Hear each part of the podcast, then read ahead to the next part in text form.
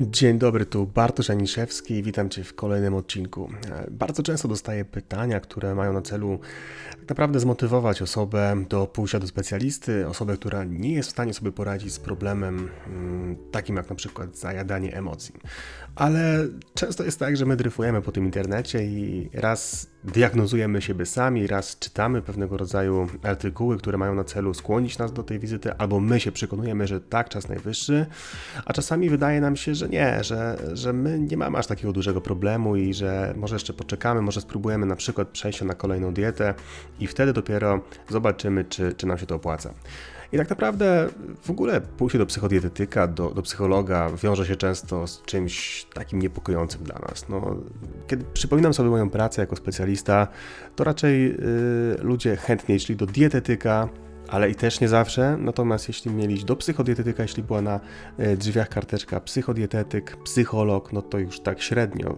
Czasami było też tak, że udawali, że wchodzą do pokoju lub gabinetu obok, e, zamiast do mnie i dopiero wtedy, kiedy nikt nie wiedział, przychodzili do mnie. No tak jakby jednak ten psycholog dalej był problemem, tak jakby pójście do psychologa, do psychodietetyka było nadal wstydem. No i ten podcast w zasadzie jest po to, żeby, żeby też trochę odzwierciedlić e, pracę specjalisty. Oczywiście będę mówił, jak to wygląda u mnie.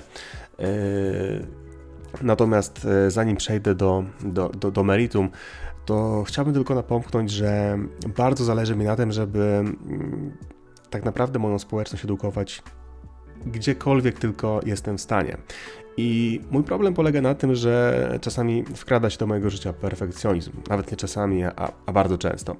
I jak dobrze wiesz, drogi słuchaczu, albo większość z Was wie, słuchacze, mm, staram się działać nie tylko tutaj, na podcastach, ale staram się działać również na, na YouTubie, na innych mediach społecznościowych, takich jak Instagram, takich jak Facebook.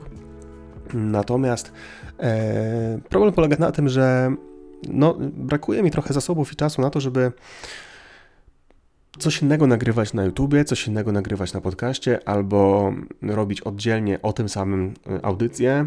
E, jedną do kamery na YouTube, drugą do kamery, e, drugą do mikrofonu tutaj na podcastach. I chciałbym żebyś dała, dał mi trochę wyrozumiałości w tym wszystkim. I mam nadzieję, że ta przeplatana wersja podcastów, czyli taka, w której mówię ja bezpośrednio do mikrofonu, tak jak teraz, ale i taka, w której przemycam często treści z YouTube'a, bo tam też, też nagrywam i e, mam wrażenie, że tam też są mega wartościowe treści i nawet nie będę w stanie jeszcze raz tego samego przekazać na przykład tutaj. I miałem duży opór, jeśli chodzi o właśnie takie edycje niektórych filmów z YouTube'a na podcasty.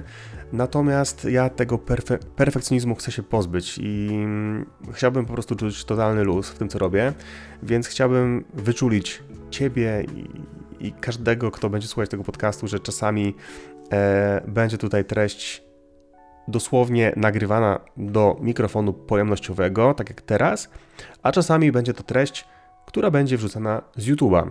E, dlaczego tak się dzieje? Dlatego, że czasami mam przestrzeń, czasami mam zasoby, czasami jestem w stanie nagrywać do mikrofonu, y, bo na przykład moja żona jest y, gdzieś indziej, na przykład gdzieś wyjechała, albo wzięła córeczkę na spacer, a ja mogę mówić do mikrofonu, a czasami jest tak, że na przykład córeczka na górze śpi w łóżeczku, tu gdzie mam swoje tak zwane studio i mały gabinecik i na przykład mam kamerę i lepsze oświetlenie na dole i nie chciałbym przez to się paraliżować, blokować, tylko po prostu chciałbym jak najwięcej kontentu dawać, więc liczę na rozumiałość, na wyrozumiałość i tak naprawdę jeśli będę miał ten luz, to myślę, że będę nagrywał jeszcze, jeszcze więcej, aż dojdzie do momentu, w którym będę praktycznie codziennie w internecie, a na tym też by mi zależało.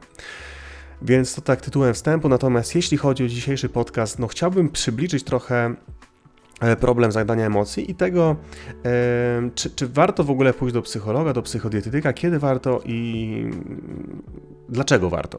I może zacznę od tego, dlaczego warto. Warto, ponieważ e, bywają takie osoby, w, na przykład na moich konsultacjach, które mają i 60 lat i do tej pory żyją w takim błędnym kole, mm, żyją w przekonaniu, że one sobie poradzą, że nie potrzebują pomocy. Często jest tak, że pójście do psychologa, jak wspomniałem wcześniej, jest wstydem, a to się bierze stąd, że na przykład rodzice tak twierdzą, na przykład mąż tak twierdzi i te zakorzenione często myślenie na temat tego, że pójście do psychologa to wstyd, jest silniejsze od tego, żeby sobie pomóc.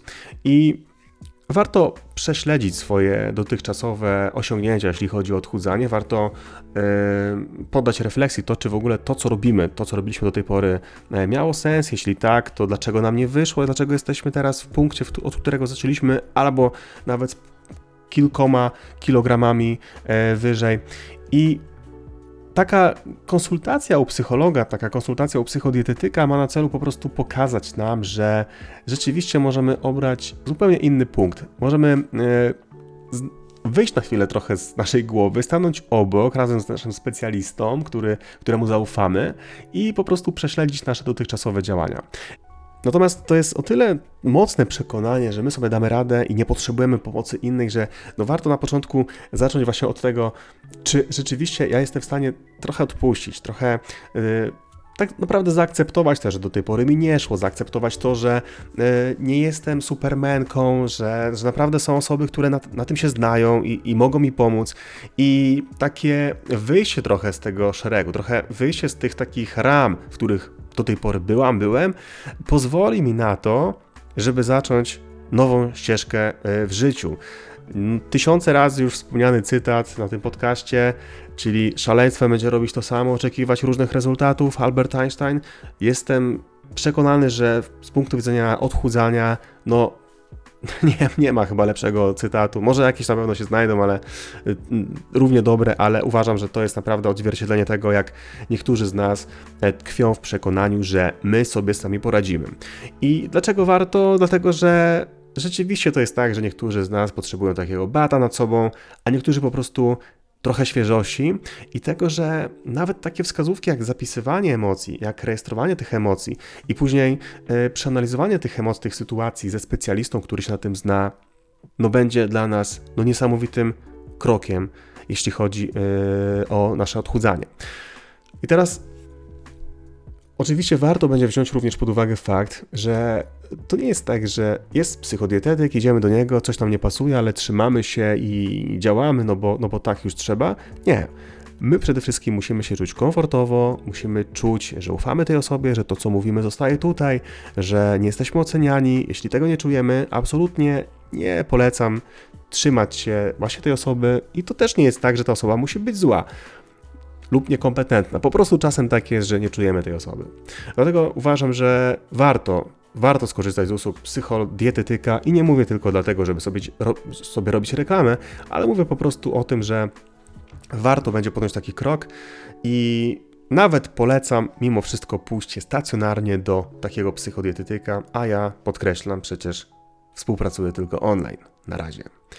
Zamknąłem moją działalność, jeśli chodzi o E, to znaczy nie zamknąłem działalności, ale e, zamknąłem na ten moment przyjmowanie stacjonarne, działam tylko online.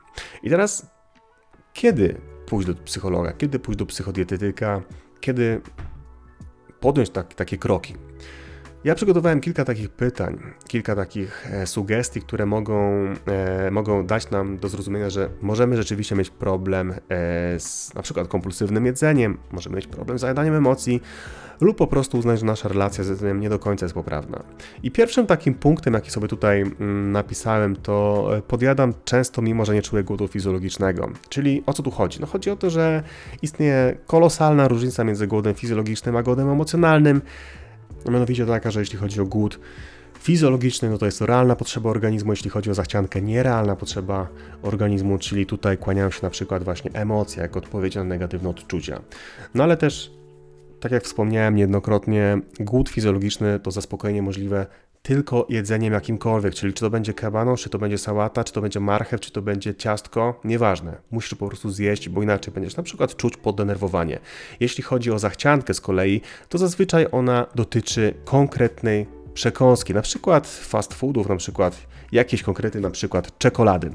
Więc y, to przede wszystkim będzie różnica i oczywiście warto zwrócić uwagę na fakt, że w przypadku zachcianki y, ona może minąć w momencie, kiedy na przykład sfokusujemy swoje myśli na czymś zupełnie innym, na przykład zadzwonimy do przyjaciółki, na przykład po prostu zaczniemy czytać, oglądać coś, słuchać czegoś i nagle zachcianka mija. E, kolejna sprawa to, czy na przykład jem z nudów, czy mam problem z tym, żeby zarządzać takim wolnym czasem, czy w ogóle umiem odpoczywać, a w momencie, kiedy na przykład pojawia się wolny czas, czytaj nudy, no to na przykład sięgam po jedzenie i tak naprawdę nie odpoczywam, bo mój organizm znowu działa na wysokich obrotach i jesteśmy jeszcze bardziej zmęczeni, a tak naprawdę rano budzimy się, jakbyśmy wczoraj totalnie zachlali. Po prostu budzimy się z kacem. Nie mówię tu o kacu moralnym, ale często jest tak, że kiedy przeginamy z jedzeniem takim naprawdę śmieciowym, to rano wstajemy nie tylko z bólem brzucha, ale też na przykład bólem głowy.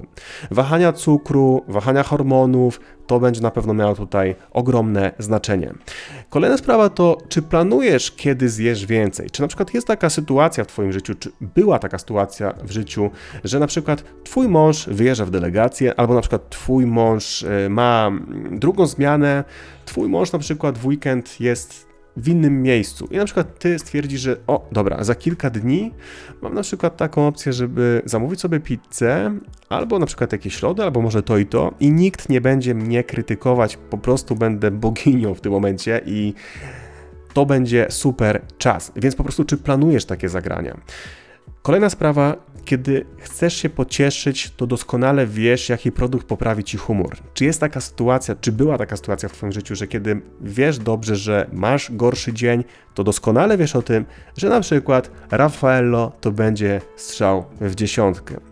Czy na przykład jest tak w Twoim życiu lub było, że jeszcze jakbyś była w transie, bez świadomości, czyli po prostu jakbyś była na totalnym haju, nie ma dosłownie rzeczywistości teraz, jest tylko tu, to o czym często się mówi, czyli to tu i teraz, ale nie w tak pozytywnym tego słowa znaczeniu. Raczej jakby jutra miał nie być, bo wiesz, że na przykład od jutra przechodzisz na kolejną dietę, więc dzisiaj jeszcze zjesz i po prostu pochłaniasz wszystko, od krakersów po kanapki, po czerstwy, nieświeży już chleb, kończąc na przykład na suchym, starym muslim. Czy była lub czasami pojawiała się w Twoim życiu taka sytuacja, że wynagradzałaś sobie ciężki dzień jedzeniem? Zastanów się, bo to będzie również miało kolosalne znaczenie, bo pamiętaj, że nie jemy tylko pod wpływem negatywnych emocji, ale również pod wpływem pozytywnych emocji.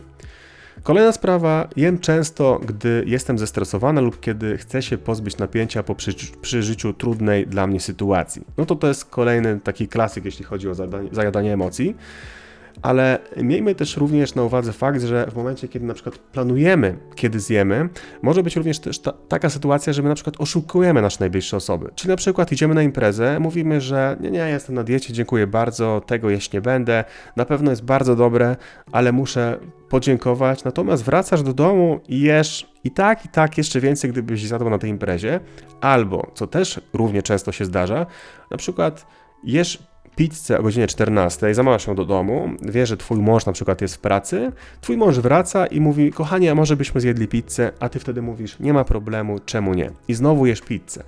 Tak naprawdę trzymając to w tajemnicy.